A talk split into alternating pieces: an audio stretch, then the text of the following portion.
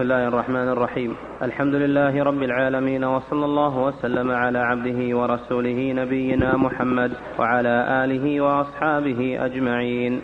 قال المؤلف رحمه الله تعالى وفي الحديث الصحيح الذي رواه البخاري وغيره عن أبي هريرة رضي الله عنه عن النبي صلى الله عليه وسلم أنه قال يقول الله عز وجل من عادى لي وليا فقد بارزني بالمحاربة أو فقد آذنته بالحرب وما تقرب إلي عبدي بمثل أداء ما افترضت عليه ولا يزال عبدي يتقرب إلي بالنوافل حتى أحبه.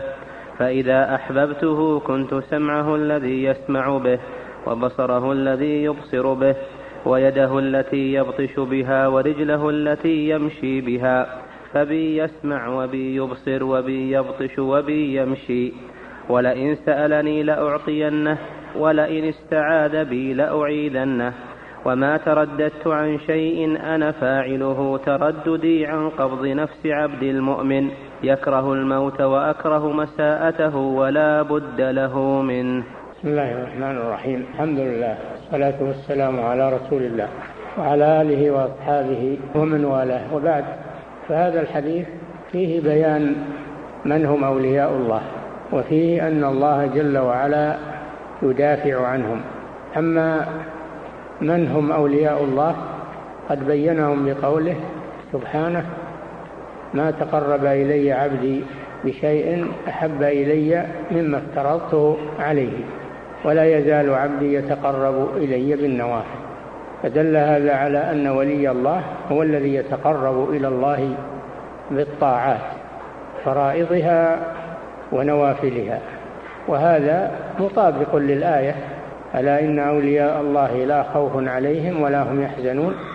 الذين آمنوا وكانوا يتقون.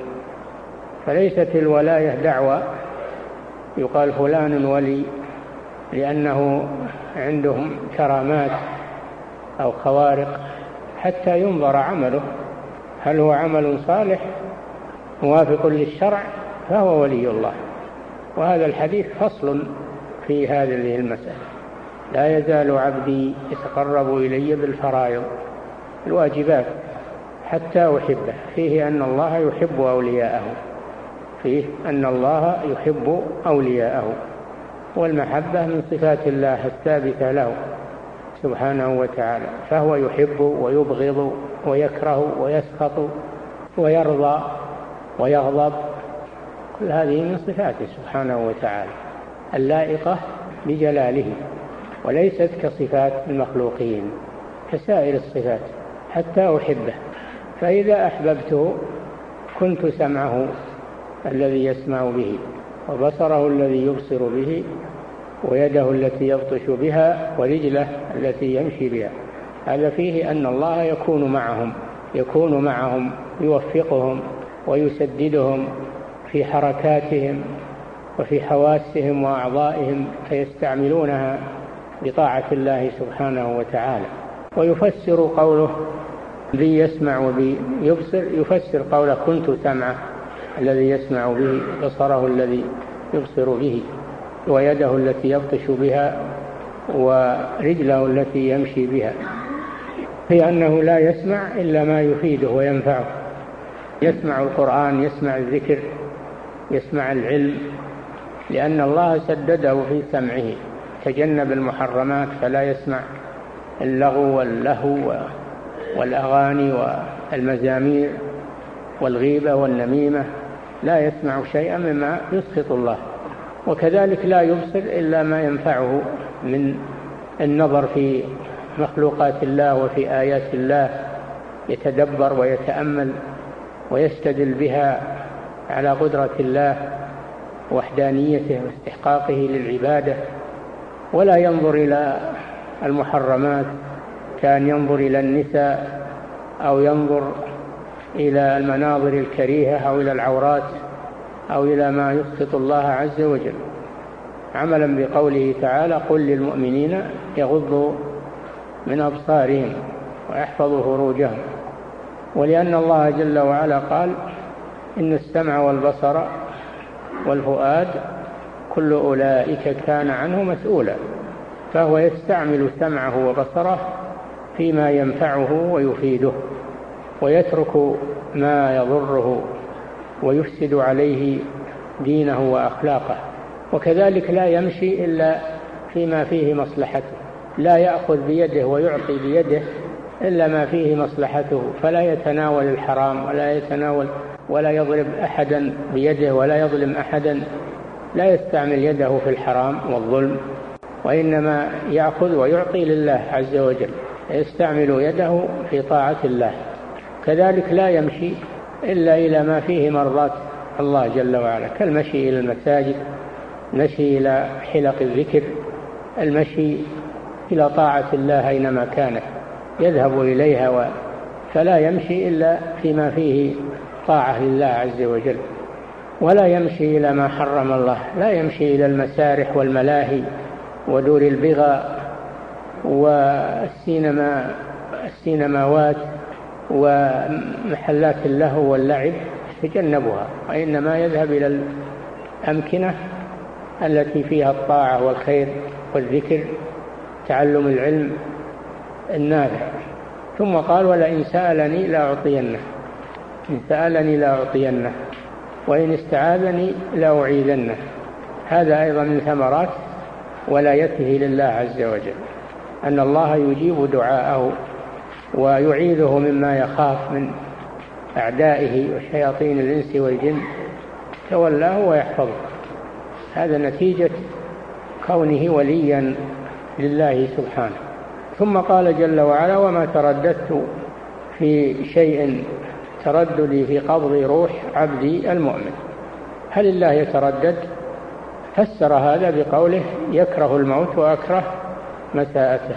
التردد في حق الله معناه كراهية هذا الشيء أن الله يكره ما يكرهه وليه ووليه يكره الموت الله يكره ما يكرهه وليه. هذا معنى تردد يعني أني أكره ما يكرهه. ثم قال جل وعلا ولا بد له منه قال تعالى كل نفس ذائقة الموت الله قضى وقدر إن كل نفس ذائقة الموت. الأولياء وكل من له حياة وروح. فإن الله قضى بالموت كل من عليها فان ويبقى وجه ربك ذو الجلال والإكرام.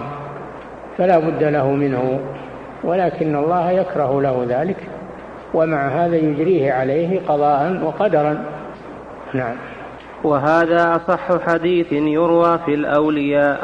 هذا أصح حديث يروى في الأولياء. هذا في رد على الذين يطعنون في هذا الحديث وهو في صحيح البخاري. نعم. وهذا أصح حديث يروى في الأولياء فبين النبي صلى الله عليه وسلم أنه من عاد وليا لله فقد بارز الله بالمحاربة. يعني عرض نفسه عرض نفسه لغضب الله وعقوبته. هذه المحاربة. نعم. وفي حديث آخر وإني لأثأر لأوليائي كما يثأر الليث الحرب. نعم. الله جل وعلا ينتصر يثأر يعني ينتصر لأوليائه ممن ظلمهم ومن عاداهم كما يثأر الليث يعني السبع الحرب حينما يهجم على فريسته. فهذا ليس من تشبيه المخلوق بالخالق وإنما تشبيه للثأر بالثأر تشبيه للثأر بالثأر نعم. للفعل بالفعل وليس تشبيها للخالق بمخلوقه. نعم. وفي حديث آخر وإني لأثأر لأوليائي كما يثأر الليث الحرب. نعم. أي آخذ ثأرهم ممن عاداهم كما يأخذ الليث الحرب ثأره. نعم. إذا الليث وهو السبع إذا أوذي أو اعتدي عليه فإنه يهجم على من آذاه وينتصر لنفسه. نعم. وهذا لأن أولياء الله عز وجل هم الذين آمنوا به ووالوه وأحبوا ما يحب وأبغضوا ما يبغض ورضوا. هؤلاء هم أولياء الله الذين أحبوا ما يحبه وأبغضوا ما يبغضه من الأقوال والأعمال والأشخاص. فهم يحبون ما يحبه الله. ويبغضون ما يبغضه الله. لا يحبون بموجب الهوى أو يعادون بموجب الهوى وإنما يوالون ويعادون في ذات الله سبحانه وتعالى. نعم. فأحبوا ما يحب وأبغضوا ما يبغض ورضوا بما يرضى وسخطوا بما يسخط. يرضون بما يرضي الله ويسخطون بما ويسخطون عما يسخط الله عز وجل. هذا معنى الولاية الحقيقية. نعم. وأمروا بما يأمر ونهوا عما نهى. أمروا بما يأمر الله جل وعلا ونهوا عما ينهى. ولا يحدثون شيئا من عند أنفسهم. فيأمرون بشيء لم يأمر الله به أو ينهون عن شيء لم ينهى الله عنه. كالمبتدعة الذين يأمرون بأشياء ما شرعها الله. أو ينهون عن أشياء قد شرعها الله لعباده. هؤلاء مبتدعة. نعم. قال صلى الله عليه وسلم من أحدث في أمرنا هذا ما ليس منه فهو رد. نعم. وأعطوا لمن يحب أن يعطى ومنعوا من يحب أن يمنع. أعطوا من يحب الله أنه يعطى كالفقراء والمساكين والأيتام وذوي القربى ومن أمر الله بإعطائهم. وأمسكوا عما نهى الله عن إعطائهم من أعداء الله ورسوله الذين يستعينون بما يعطون على عداوة الله ورسوله. نعم. كما في الترمذي وغيره عن النبي صلى الله عليه وسلم أنه قال أوثق عرى الإيمان الحب في الله والبغض في الله. أوثق عرى الإيمان يعني أقوى عرى الإيمان. الحب في الله والبغض في الله. عرفنا فيما سبق أن محبة الله محبة العبد لله من أعظم أنواع العبادة من أعظم أنواع العبادة. وكذلك محبة من يحبه الله من رسله وأنبيائه وعباده الصالحين فهو يحبهم لأن الله يحبهم. لا لطمع دنيوي ولا لغرض نفسي ولا لهوى وإنما يحبهم لأن الله يحبهم. كذلك البغض لا يبغض بحسب هواه أو رغبته وإنما يبغض من يبغضه الله عز وجل. والله يبغض الكفار والمنافقين ويبغض أهل المعاصي والسيئات فهو يبغضهم يعاديهم فيوالي من يوالي الله ويعادي من عاد الله سبحانه وتعالى. لا تتخذوا عدوي وعدوكم أولياء. إنما وليكم الله ورسوله والذين آمنوا الذين يقيمون الصلاة ويؤتون الزكاة وهم راكعون فهم يوالون هؤلاء ويعادون الكفار والمنافقين والمخالفين لأنهم أعداء لله فهم يعادونهم من لأن الله عدو لهم. قال جل وعلا فإن الله عدو للكافرين. فلا يمكن أن تحب الكفار والله يبغضهم وقد عاداهم. نعم.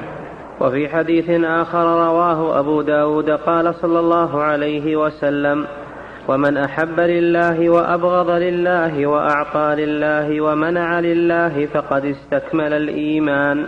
نعم. من أحب لله وأبغض لله وأعطى لله ومنع لله فقد استكمل الإيمان. ومن نقص شيئا من ذلك نقص إيمانه نقص إيمانه. فإذا كان على هذا الميزان يحب من يحبه الله ويبغض من يبغضه الله ويعطي من يحب الله أن يعطى ويبغض من يبغض الله ويمنع من يحب الله أن يمنع فهو يعطي ويبذل المال في طاعة الله. لا يبذله لأعداء الله عز وجل. ومن يبغضهم الله. نعم. فهذا استكمل الإيمان. وإذا نقص شيء من ذلك نقص إيمانه. نعم. والولاية ضد العداوة. هذا تفسير الولاية بفتح الواو. هي ضد العداوة. والولي من الولي وهو القرب. فلان يلي فلانا يعني يقرب منه. والذي يليك في الصف يعني يقرب منك. يليني منكم أولو الأحلام والنهى. فالولاية في اللغة القرب من الشيء وليه يعني قرب منه. وطاعة الله تسمى ولاية لأنها تقرب إلى الله. تقرب إلى الله. نعم. والولاية ضد العداوة وأصل الولاية المحبة والقرب. هذا أصلها في اللغة المحبة. والاه يعني أحبه. والاه يعني أحبه وقرب منه والمؤمن تقرب إلى الله قريب من الله سبحانه وتعالى. والكافر بعيد عن الله والمنافق بعيد عن الله جل وعلا فليس وليا لله. نعم. وأصل العداوة البغض والبعد. نعم. وقد قيل إن الولي سمي وليا من موالاته للطاعات أي متابعته لها. وكذلك من معاني الولاية موالاة الطاعة والمتابعة لها طول حياته لا يتركها في وقت ويفعلها في وقت وإنما يواليها حسب استطاعته. الله جل وعلا قال لنبيه واعبد ربك حتى يأتيك اليقين. تواصل العمل تواصل العمل لكن من غير تشدد وغلو وإنما باعتدال. باعتدال واقتصاد. نعم. كما أرشد النبي صلى الله عليه وسلم إلى ذلك. نعم. وقد قيل إن الولي سمي وليا من موالاته للطاعات أي متابعته لها. أما أنه يجتهد في الطاعة في وقت ثم يتركها في وقت آخر فهذا لم يوالي العبادة. هذا نقص في ولايته لله عز وجل. نعم. والأول أصح. الأول أن أنها من القرب والطاعة أصح من أنها من من متابعة العمل والاستمرار عليه. نعم. والولي القريب فيقال هذا يلي هذا أي يقرب منه. نعم. ومنه قوله صلى الله عليه وسلم ألحقوا الفرائض بأهلها فما أبقت الفرائض فلأولى رجل ذكر. يعني أقرب أولى يعني أقرب رجل إلى الميت من عصبته. ألحقوا الفرائض أي الفروض المقدرة في كتاب الله كالنصف والربع والثمن والثلثان والثلث والسدس. هذه هي الفروض المقدرة في كتاب الله وهي ستة. هذه يبدأ بها عند تقسيم التركة. يبدأ بها عند تقسيم التركة. فتعطى لأصحابها. فإن بقي شيء بعد الفروض يعطى لأقرب عاصب للميت فما أبقت الفرائض فلأولى رجل ذكر. أولى رجل ذكر. ما فائدة قوله ذكر بعد قوله رجل؟ قالوا لئلا يفهم أنه لا يكون عصبة إلا إذا كان رجلا كبيرا. بل المهم الذكورية ولو كان صغيرا ولو كان حملا في البطن. المهم أنه ذكر ولو كان صغيرا. وقيل غير ذلك كما يذكر المؤلف. نعم. فما أبقت الفرائض فلأولى رجل ذكر أي لأقرب رجل إلى الميت. من العصبة. والعصبة على الترتيب. بعضهم أقرب من بعض. فبالجهة التقديم ثم بقربه ومن بعدهما التقديم فبالجهة التقديم ثم بقربه ومن بعدهما التقديم في الجهة اجعلا الجهة لأن العصبة جهات جهات جهة الأبوة جهة البنوة جهة الأخوة جهة الجدودة جهة العمومة إلى آخره. جهات ست جهات يبدأ بالأقرب فالأقرب نعم.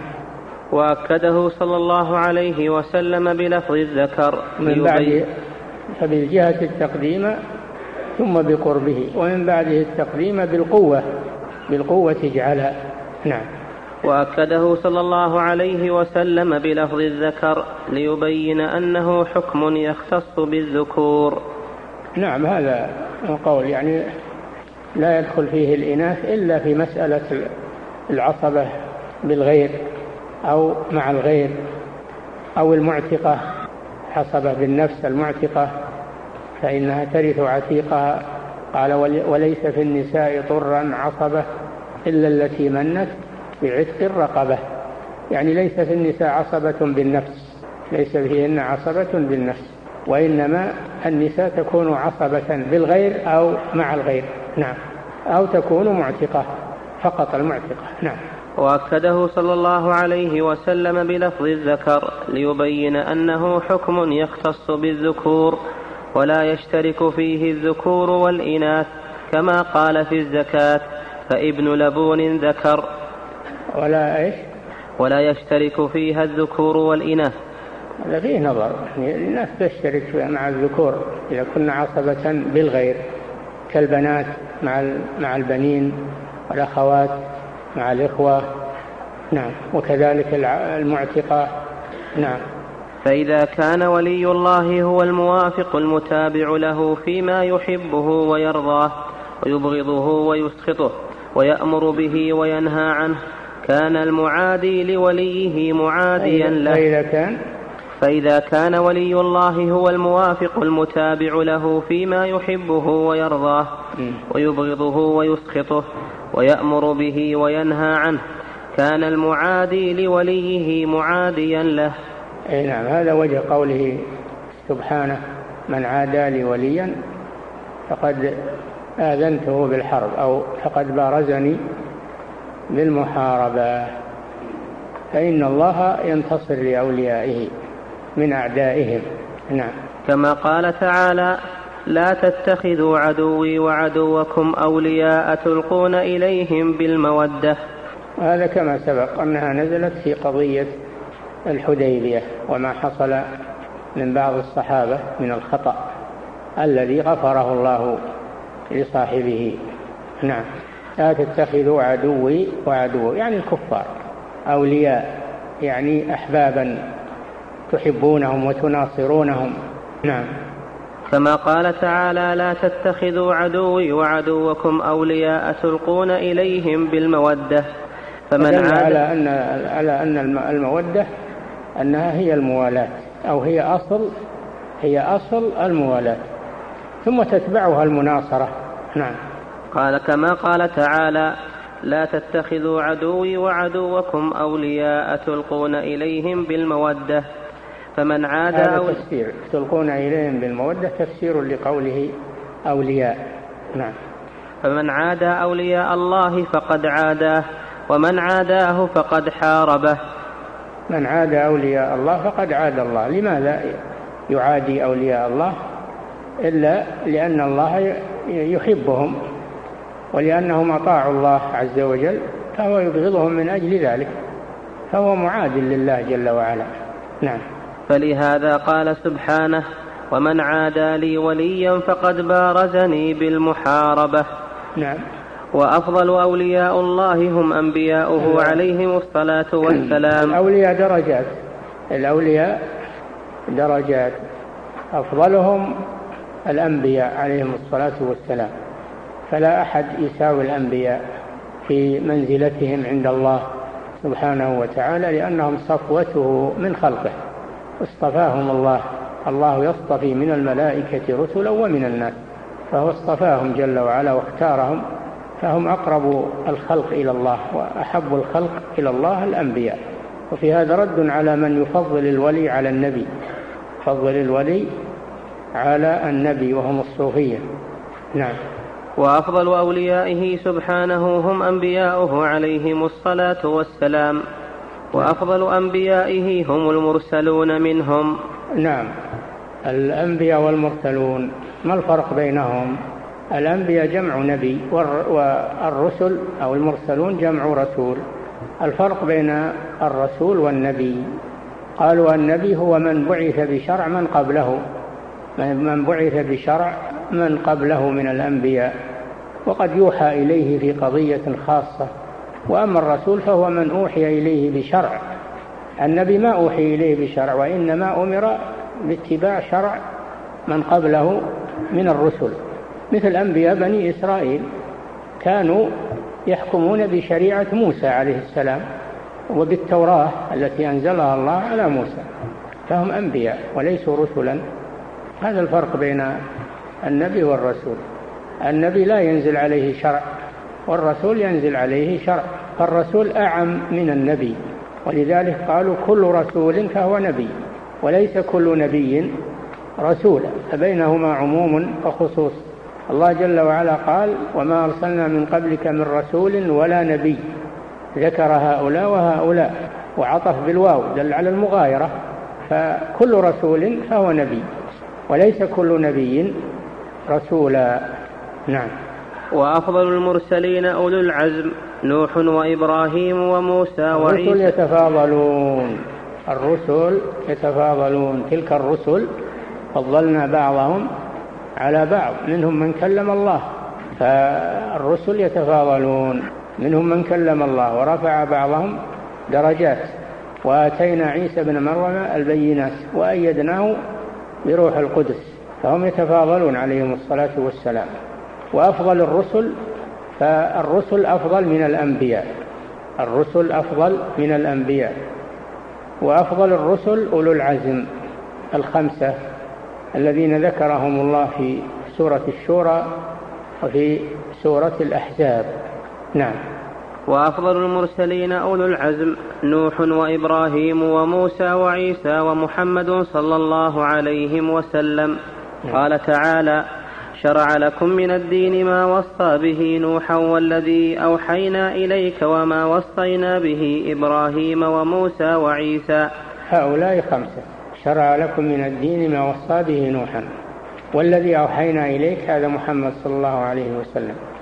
شرع لكم من الدين ما وصى به نوحا والذي أوحينا إليك وما وصينا به إبراهيم وموسى وعيسى. اثنين وثلاثة كم؟ خمسة. هؤلاء هم هم أولو العزم. قال تعالى فاصبر كما صبر أولو العزم من الرسل ولا تستعجل لهم. نعم. والعزم هو القوة. نعم. والصبر. نعم. قال تعالى شرع لكم من الدين ما وصى به نوحا والذي أوحينا إليك وما وصينا به إبراهيم وموسى وعيسى. فالله جل وعلا وصى محمد صلى الله عليه وسلم بما وصى به نوحا وإبراهيم وموسى وعيسى. فدين الأنبياء واحد فهو التوحيد. دين الأنبياء واحد وهو التوحيد. عبادة الله وحده لا شريك له وإن اختلفت شرائعهم فإن دينهم واحد. ولهذا قال صلى الله عليه وسلم نحن معاشر الأنبياء إخوة لعلات ديننا واحد وشرائعنا مختلفة. نعم. وما وصينا به إبراهيم وموسى وعيسى أن أقيموا الدين ولا تتفرقوا فيه. ما هو الذي وصى به هؤلاء؟ أن أقيموا الدين ولا تتفرقوا فيه. وإقامة الدين إخلاص العبادة. إخلاص العبادة لله على وفق ما شرعه. يعني لازم من شرطين. الإخلاص وموافقة الشرع. والشرع يختلف في كل زمان بحسبه وقت الأنبياء السابقين. كل نبي لكل جعلنا منكم شرعة ومنهاجا. فعبادة الله هي عبادته بما شرع في كل وقت بحسبه. أنا أقيم الدين. ولا تتفرقوا فيه. أمة واحدة. وإن هذه أمتكم أمة واحدة. إن هذه أمتكم أمة واحدة. فلا يجوز التفرق في الدين لأن الدين واحد. فلا يجوز التفرق فيه. كل له دين وكل له نحلة. كل له طريقة. طريق واحد دين واحد هو دين الله سبحانه وتعالى. نعم ما نبتكر شيء من عندنا. نعم. وقال تعالى وإذا أخذنا من النبيين هذه الآية الثانية التي ذكر الله فيها أولي العزم لسورة الأحزاب. نعم. وقال تعالى وإذا أخذنا من النبيين ميثاقهم ومنك ومن نوح وإبراهيم وموسى وعيسى بن مريم وأخذنا منهم ميثاقا غليظا. هؤلاء هم الخمسة أولو العزم. نعم. ليسأل الصادقين عن صدقهم وأعد للكافرين عذابا أليما. نعم. وأفضل أولو العزم محمد صلى الله عليه وسلم. أفضل أولو العزم محمد صلى الله عليه وسلم لأنه إمام المرسلين وميزه الله بمزايا ليست عند غيره منها أنه بعثه إلى الناس كافة وكان كل رسول يبعث إلى قومه خاصة. وهذا الرسول بعث إلى الناس كافة وشريعة كل رسول تنتهي وتنسخ بشريعة بعدها. إلا هذه الشريعة فإنها باقية إلى أن تقوم الساعة. فهذه من خصائصه صلى الله عليه وسلم ومما يدل على فضله على غيره من المرسلين. نعم.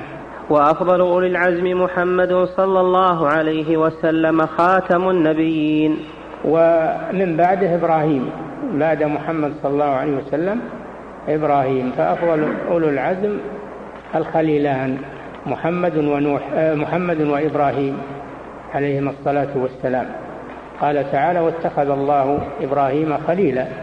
قال صلى الله عليه وسلم إن الله اتخذني خليلا كما اتخذ إبراهيم خليلا. فهو أفضل الخليلين. والخليلان أفضل أولي العزم. نعم. وأفضل كما قال تعالى تلك الرسل فضلنا بعضهم على بعض. نعم.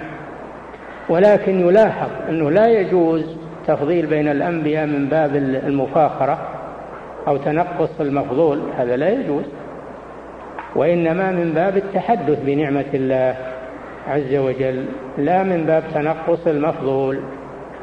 ولهذا قال صلى الله عليه وسلم لا تفضلوني على يونس ابن متى. لا تفضلوني على يونس ابن متى مع أنه هو أفضل من من أفضل الرسل من يونس وغيره. لكن إذا كان هذا من باب المفاخرة فلا يجوز أو تنقص المفضول. نعم. وأفضل أولو العزم محمد صلى الله عليه وسلم صلى الله عليه وسلم لا تفاضل بين الرسل. نهى عن المفاضلة بين الرسل من باب تنقص المفضول والمفاخرة. نعم. وأفضل أولو العزم محمد صلى الله عليه وسلم خاتم النبيين وإمام المتقين. خاتم النبيين. قال تعالى ما كان محمد أبا أحد من رجالكم ولكن رسول الله وخاتم النبيين. معنى خاتم النبيين أنه لا يأتي بعده نبي. إلى أن تقوم الساعة. فلا بد من اعتقاد هذا أنه خاتم النبيين وأنه لا يبعث بعده نبي. فمن أجاز أن يبعث بعده نبي فهو كافر لأنه مخالف للقرآن خاتم النبيين ومخالف للسنة الصحيحة. أنا خاتم النبيين قال صلى الله عليه وسلم أنا خاتم النبيين لا نبي بعدي. وأخبر أنه يأتي من بعده كذابون ثلاثون كلهم يزعم أنه نبي. قال صلى الله عليه وسلم وأنا خاتم النبيين لا نبي بعدي. فمن أجاز أن يأتي بعده نبي فهو كافر. ولذلك كفر المسلمون كفروا القاديانية الذين زعموا أن أحمد القادياني نبي. كفرهم المسلمون أجمع المسلمون على تكفيرهم. ومنعوهم من الحج ومن المجيء إلى إلى مكة لأنهم كفار. نعم. خاتم النبيين وإمام المتقين. وإمام المتقين وهذا يأتي. كيف يكون إمام المتقين؟ يأتي هذا لأنه أول من يبعث وأول من يستفتح باب الجنة وأن الناس يكونون يوم القيامة تحت لوائه عليه الصلاة والسلام. نعم. وسيد ولد آدم. قال صلى الله عليه وسلم أنا سيد ولد آدم ولا فخر.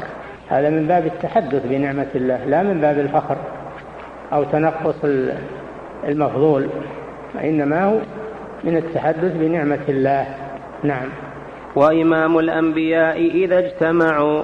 أي نعم عند الله سبحانه وتعالى. ولذلك لما أسري به صلى الله عليه وسلم إلى بيت المقدس جمع الله له الأنبياء فصلى بهم عليه الصلاة والسلام. صار إمامهم. نعم. وخطيبهم إذا وفدوا. على الله جل وعلا. إذا وفدوا على الله فإنه يؤذن له بالكلام عليه الصلاة والسلام. لا يتكلمون إلا من أذن له الرحمن. وقال صوابا. نعم. صاحب المقام المحمود الذي يغبطه به الأولون والآخرون. المقام المحمود هذا أيضا من فضائله عليه الصلاة والسلام مما فضله الله به على غيره من الأنبياء. والمقام المحمود هو الشفاعة العظمى حينما يشتد القيام على الخلائق في المحشر فيطلبون من يشفع لهم عند الله ليفصل بينهم ويريحهم من الموقف. فيتقدمون إلى آدم ثم إلى ثم إلى إبراهيم ثم إلى موسى ثم إلى عيسى فكلهم يعتذر.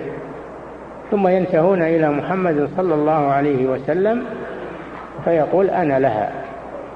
فيخر ساجدا بين يدي الله سبحانه وتعالى ولا يزال ساجدا يدعو ربه حتى يقال له ارفع, ارفع رأسك وقل يسمع واشفع تشفع. فيشفع في الخلائق بأن يحاسبهم الله ويصرفهم من الموقف الطويل الذي شق عليهم خمسين ألف سنة وهم وقوف على أقدامهم. فهذا وهذا هو المقام المحمود. ومن الليل فتهجد به نافلة لك عسى أن يبعثك ربك مقاما محمودا.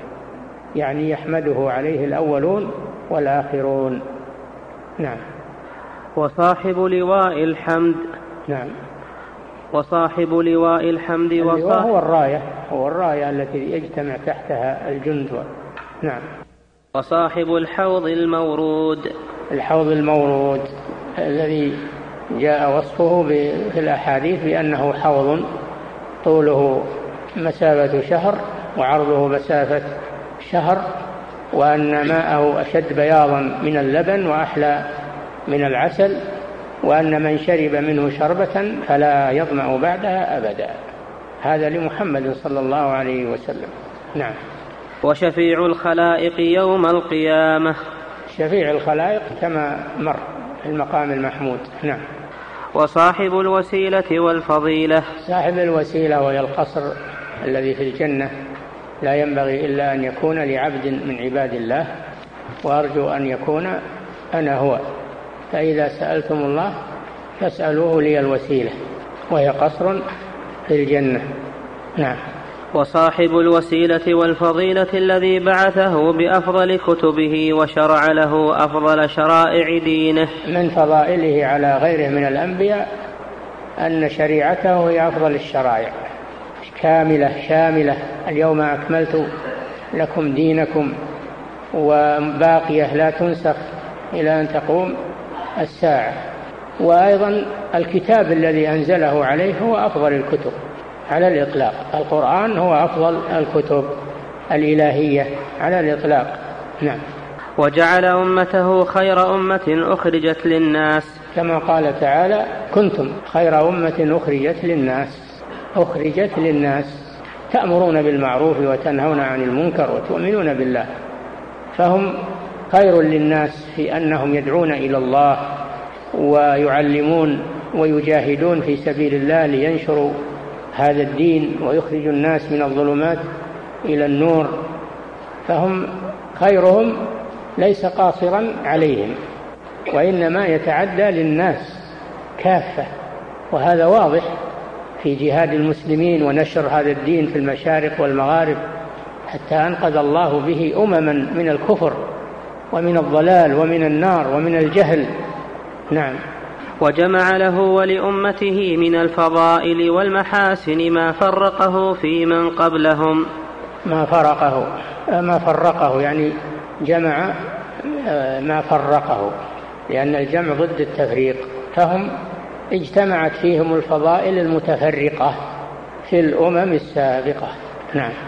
وجمع لهم وجمع له ولأمته من الفضائل والمحاسن ما فرقه في من قبلهم. نعم.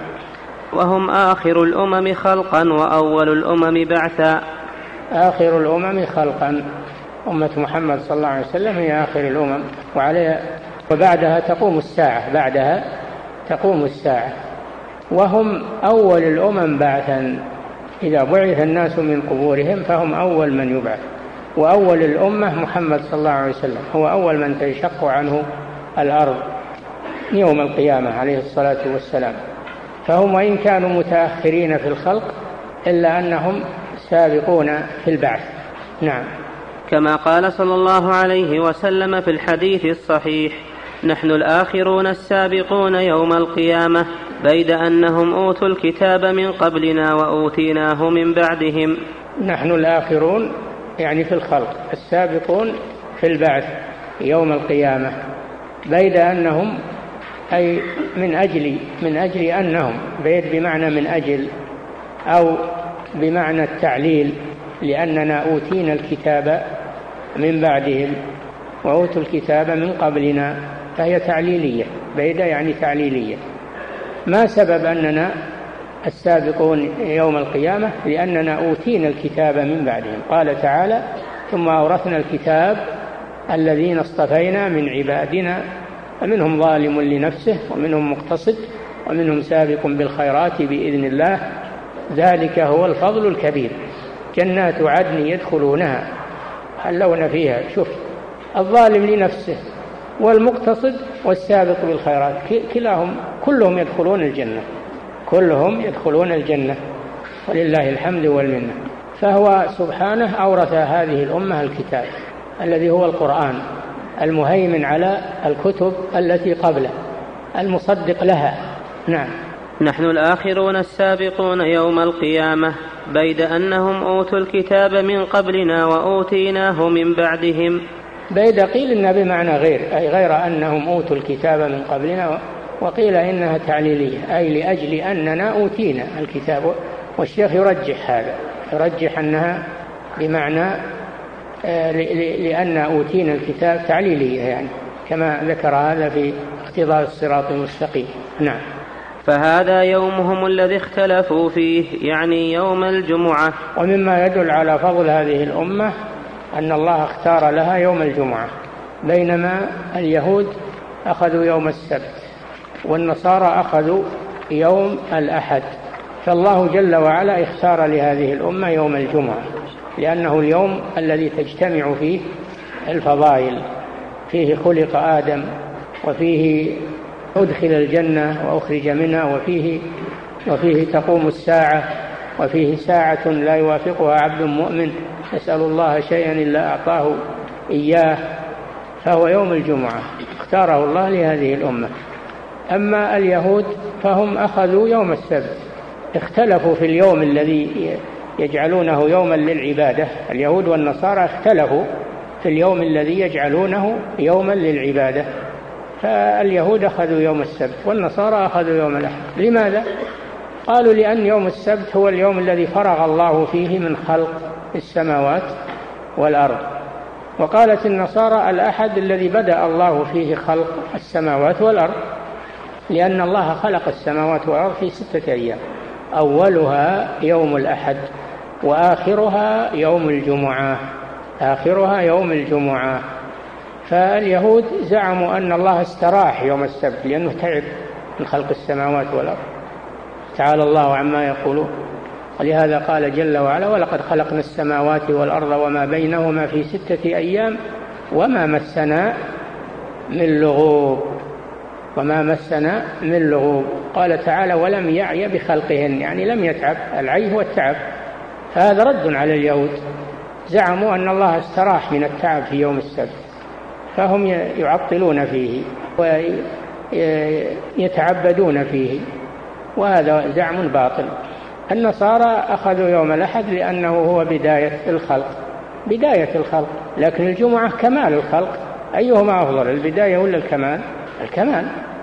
فاختار الله لهذه الأمة يوم الجمعة. ولهذا ما حسدون على شيء مثل ما حسدون على يوم الجمعة. نعم. فهذا يدل على فضل هذه الأمة. أن الله اختار لها أفضل الأيام يوم الجمعة. نعم. فهذا يومهم الذي اختلفوا فيه يعني يوم الجمعة. فهدانا الله له. الناس لنا تبع فيه غدا لليهود وبعد غد للنصارى. فيوم الجمعة هو اليوم الأول صار وهم صاروا تبع بعده صار يوم السبت ويوم الأحد بعد يوم الجمعة. نعم. فصار السبق لهذه الأمة ولله الحمد. نعم. وقال صلى الله عليه وسلم أنا أول من تنشق عنه الأرض.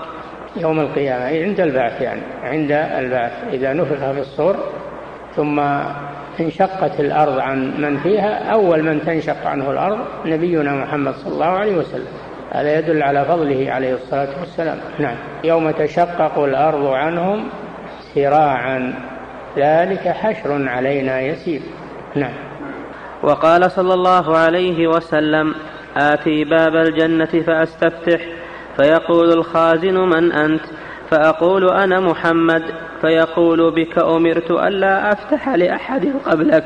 نعم وهذا من فضائل من فضائل هذا الرسول وفضائل أمته أنه أول من يستفتح باب الجنة وأن الله أمر خازن الجنة ألا يفتح لأحد قبله.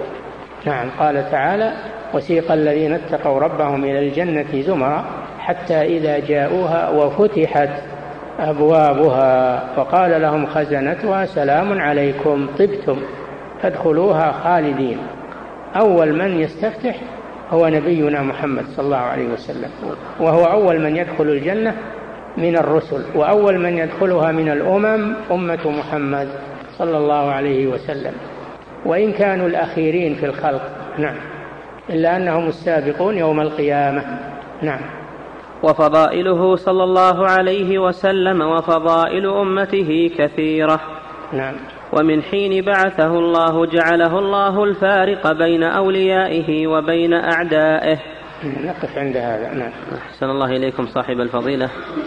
هذه أسئلة كثيرة أعرض على فضيلتكم ما تيسر منها. هذا السائل يقول هل من تقرب إلى الله تعالى بالنوافل والفرائض والذي تقرب إلى الله بالفرائض فقط هل هم سواء في حب الله تعالى؟ نعم كلهم يحبون الله لكن الذي يتقرب بالفرائض فقط هذا هو المقتصد. هو المقتصد. والذي يتقرب بالفرائض والنوافل هذا هو السابق. والسابق أفضل من المقتصد. والمقتصد أفضل من الظالم لنفسه. نعم. أحسن الله إليكم صاحب الفضيلة. وهذا السائل يقول عندنا في إحدى القرى العوام يضعون على قبر الميت شجر. ثم إذا دفن وبعد مضي زمن من من دفنه من الشجر منه ما يكون قد مات ومنه ما يكون قد نمى إلى أن يغطي بعض القبور. فقالوا هؤلاء هم أولياء الرحمن لأن الشجر قد نبت على قبورهم. فهل هذا صحيح وما توجيه فضيلتكم؟ ما هو صحيح هذا من الخرافات. هذا من الخرافات التي ما أنزل الله بها من سلطان وليس نبات الشجر على القبر دليل على أنه ولي. ينبت الشجر حتى على قبور الكفار. الشجر ينبت بالتربة ما هو ما هو دخل في في الميت. ينبت بالتربة مع مع المطر. هذا من الخرافات الباطلة. نعم. أحسن الله إليكم صاحب الفضيلة وهذا السائل يقول في قوله صلى الله عليه وسلم عن الله يكره الموت وأكره مساءته. هل العائد في مساءته إلى الموت أو إلى الإنسان؟ نعم. يقول سلمك الله هل العائد في مساءته يعود إلى الموت؟ يعني الضمير. هذا كذا. أدري إيش معنى السؤال هذا. نعم. يكره مساءة وليه. يكره مساءة وليه. يكره ما يسوء ولي وليه. نعم. سلام الله إليكم صاحب الفضيلة. وهذا السائل يقول بعض الناس يقول الموت في المدينة له فضل لأنك تموت في مكان قريب من عين النبي صلى الله عليه وسلم. فهل هذا القول صحيح؟ لا ليس للإنسان إلا عمله سواء مات في المدينة أو في المشرق أو في المغرب ليس للإنسان إلا عمله. نعم. أحسن الله إليكم صاحب الفضيلة وهذا السائل يقول المدينة مات فيها المنافقون وهم في الدرك الأسفل من النار وماتوا في المدينة لم تنفعهم المدينة. نعم. الصحابة مات كثير منهم في المشارق والمغارب وهم صحابة رسول الله صلى الله عليه وسلم. نعم. أحسن الله إليكم. صاحب الفضيلة هذا السائل يقول هل من لا يستطيع قيام آخر الليل ويستطيع المداومة على صلاة أول الليل؟ هل الأفضل له أن يداوم على أول الليل أو على آخره؟ العلماء قالوا من وثق من قيامه في آخر الليل فهو أفضل. أما الذي لا يثق من قيامه فإنه يصلي من أول الليل. ولهذا أمر صلى الله عليه وسلم أبا هريرة أن يوتر قبل أن ينام. لأن أبا هريرة كان يسهر على حفظ الحديث رضي الله عنه ثم ينام متأخرا ولا يقوم آخر الليل. فأوصاه النبي صلى الله عليه وسلم أن يوتر قبل أن ينام. نعم. أحسن الله إليكم صاحب الفضيلة وهذا السائل يقول يعتري الشخص أحيانا قصور في مواصلة النوافل فهل الشخص يقول يعتري الشخص أحيانا قصور في مواصلة النوافل؟ نعم. فهل الشخص في هذا تنقص ولايته لله في هذه الحالة؟ نعم إذا كان هذا من باب الكسل فإنها تنقص ولايته لله.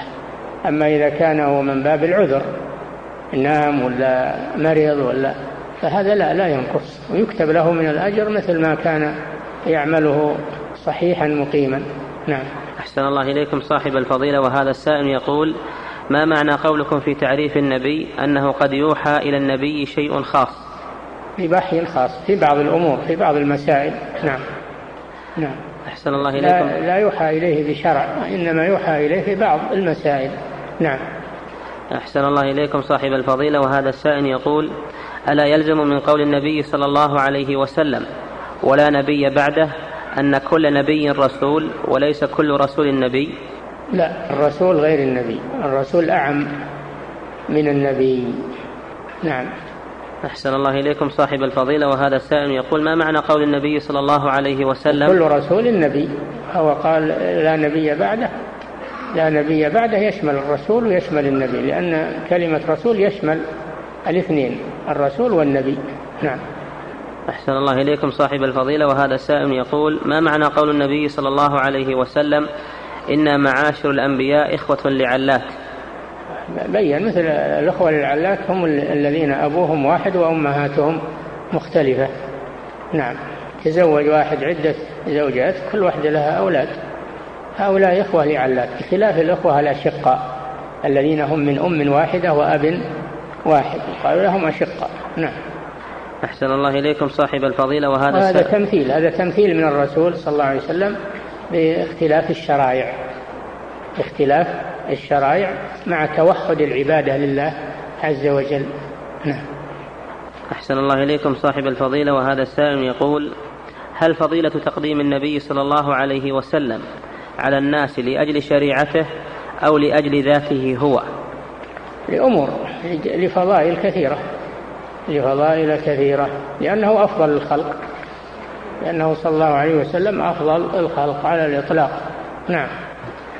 أحسن الله إليكم صاحب الفضيلة وهذا السائل يقول جاء في تعريف النبي أنه الذي جاء بشرع من قبله فكيف يكون آدم عليه السلام نبيا ولم يكن قبله شريعة نبي غيره؟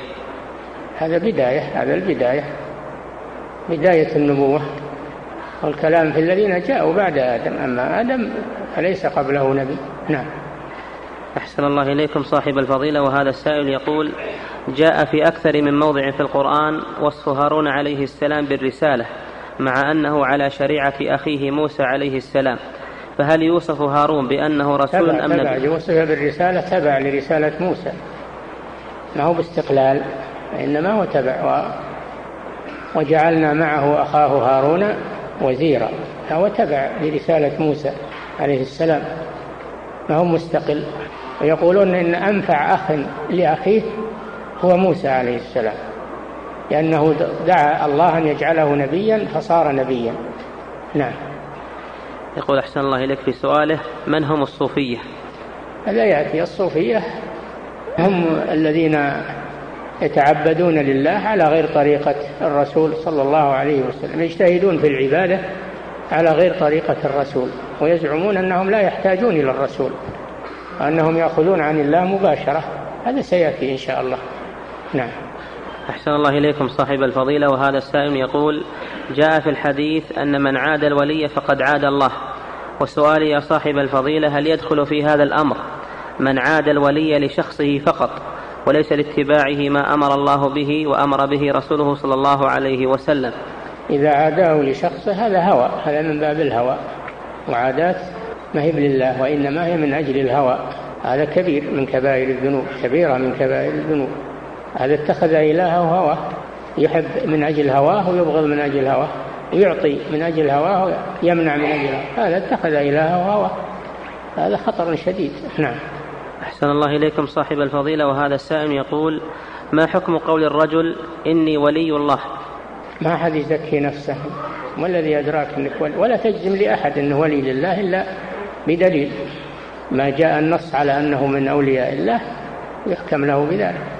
أما من لم يأتي نص فيه فنحن نحسن الظن به ونرجو نرجو له أنه ولي لله ولا نزكي على الله أحدا ولا نزكي أنفسنا ونقول نحن هذه هذه قول اليهود والنصارى كما يأتي. نحن أبناء الله وأحباؤه.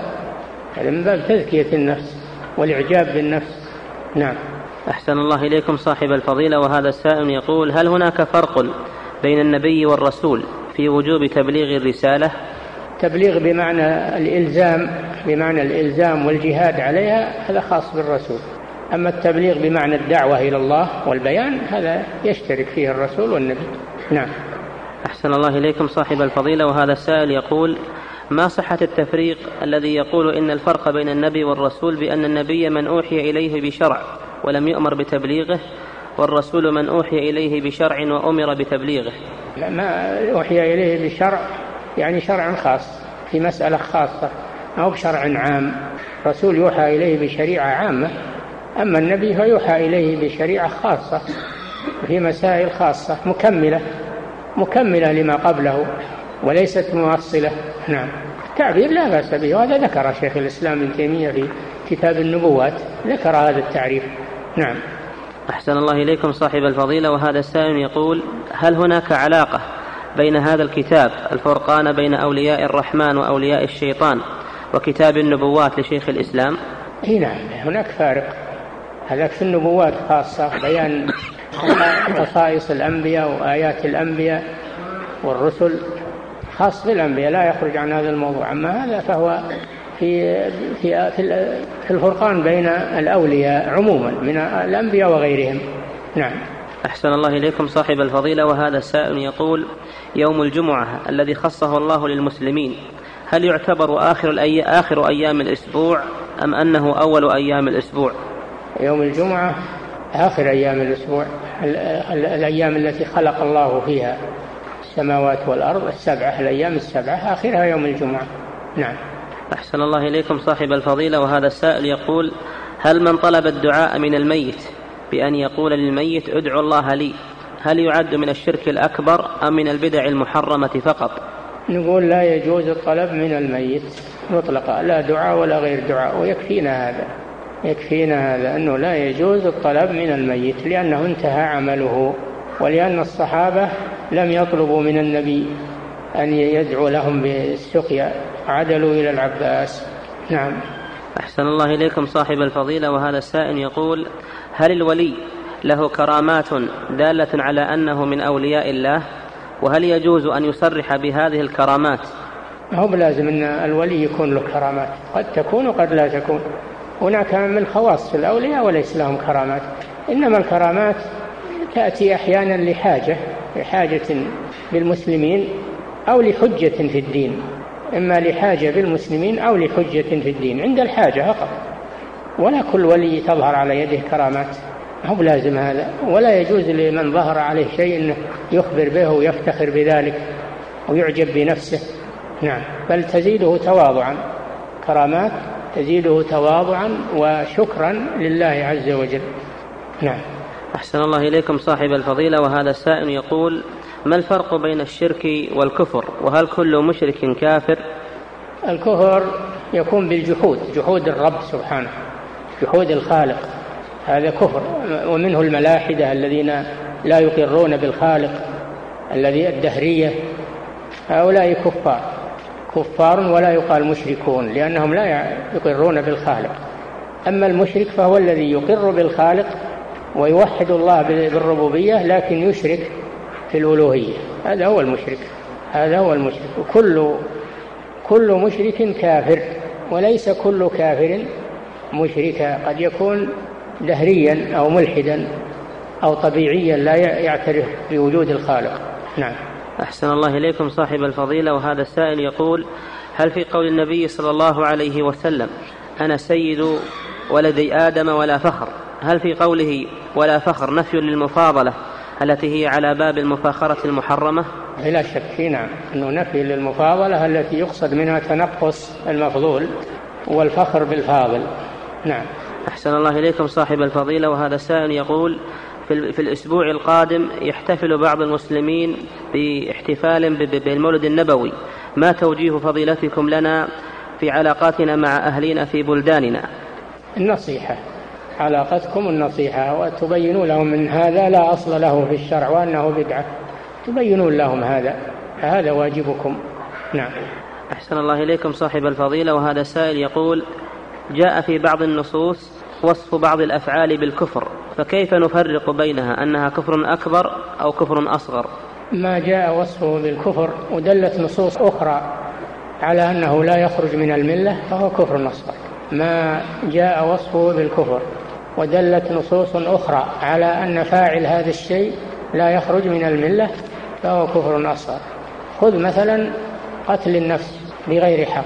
قال صلى الله عليه وسلم لا ترجعوا بعدي كفارا يضرب بعضكم رقاب بعض. فوصف هذا بالكفر. بينما في الآية الأخرى وإن في الآية وإن طائفتان من المؤمنين شوف من المؤمنين اقتتلوا. دل على أن الكافر القاتل لا يخرج من الإيمان وإن طائفتان من المؤمنين اقتتلوا فأصلحوا بينهما. إلى قوله إنما المؤمنون إخوة سماهم إخوة مع أنهم يقتتلون.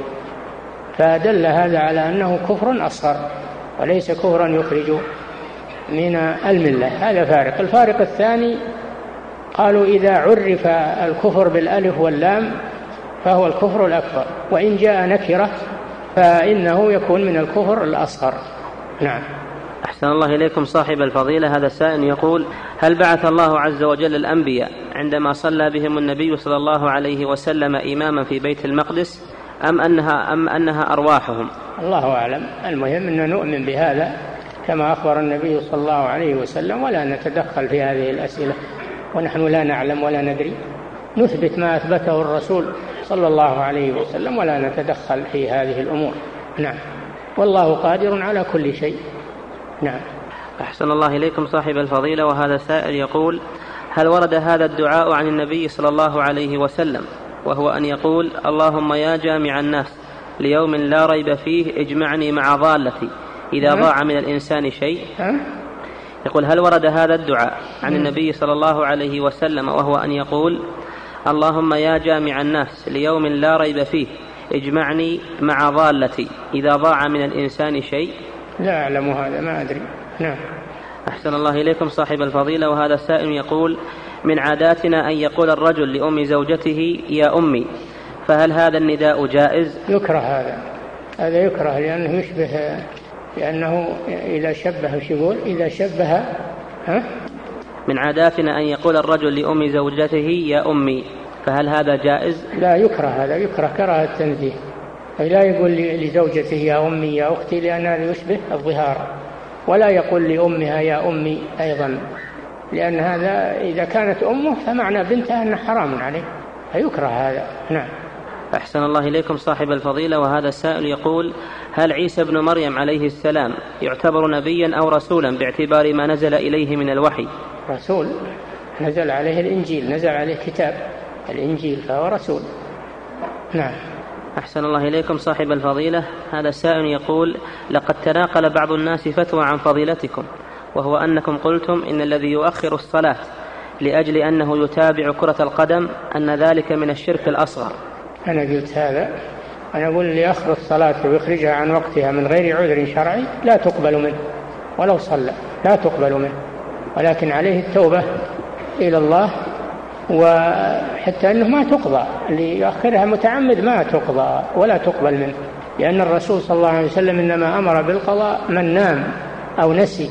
قال صلى الله عليه وسلم من نسي صلاة أو نام عنها فليصلها إذا ذكرها لا كفارة لها إلا ذلك. فدل على أن من تعمد أنه لا يقضي. ولكن عليه التوبة إلى الله عز وجل المحافظة على الصلاة. نعم. أحسن الله إليكم صاحب الفضيلة. وهذا السائل يقول يكثر في هذه الأيام اتصال سحرة من خارج البلاد على أناس من هذه البلد. السؤال ما حكم الاسترسال معهم في الاتصال والكلام لأجل الضحك عليهم؟ لا يجوز هذا. لا يجوز الاتصال عليهم ولا أن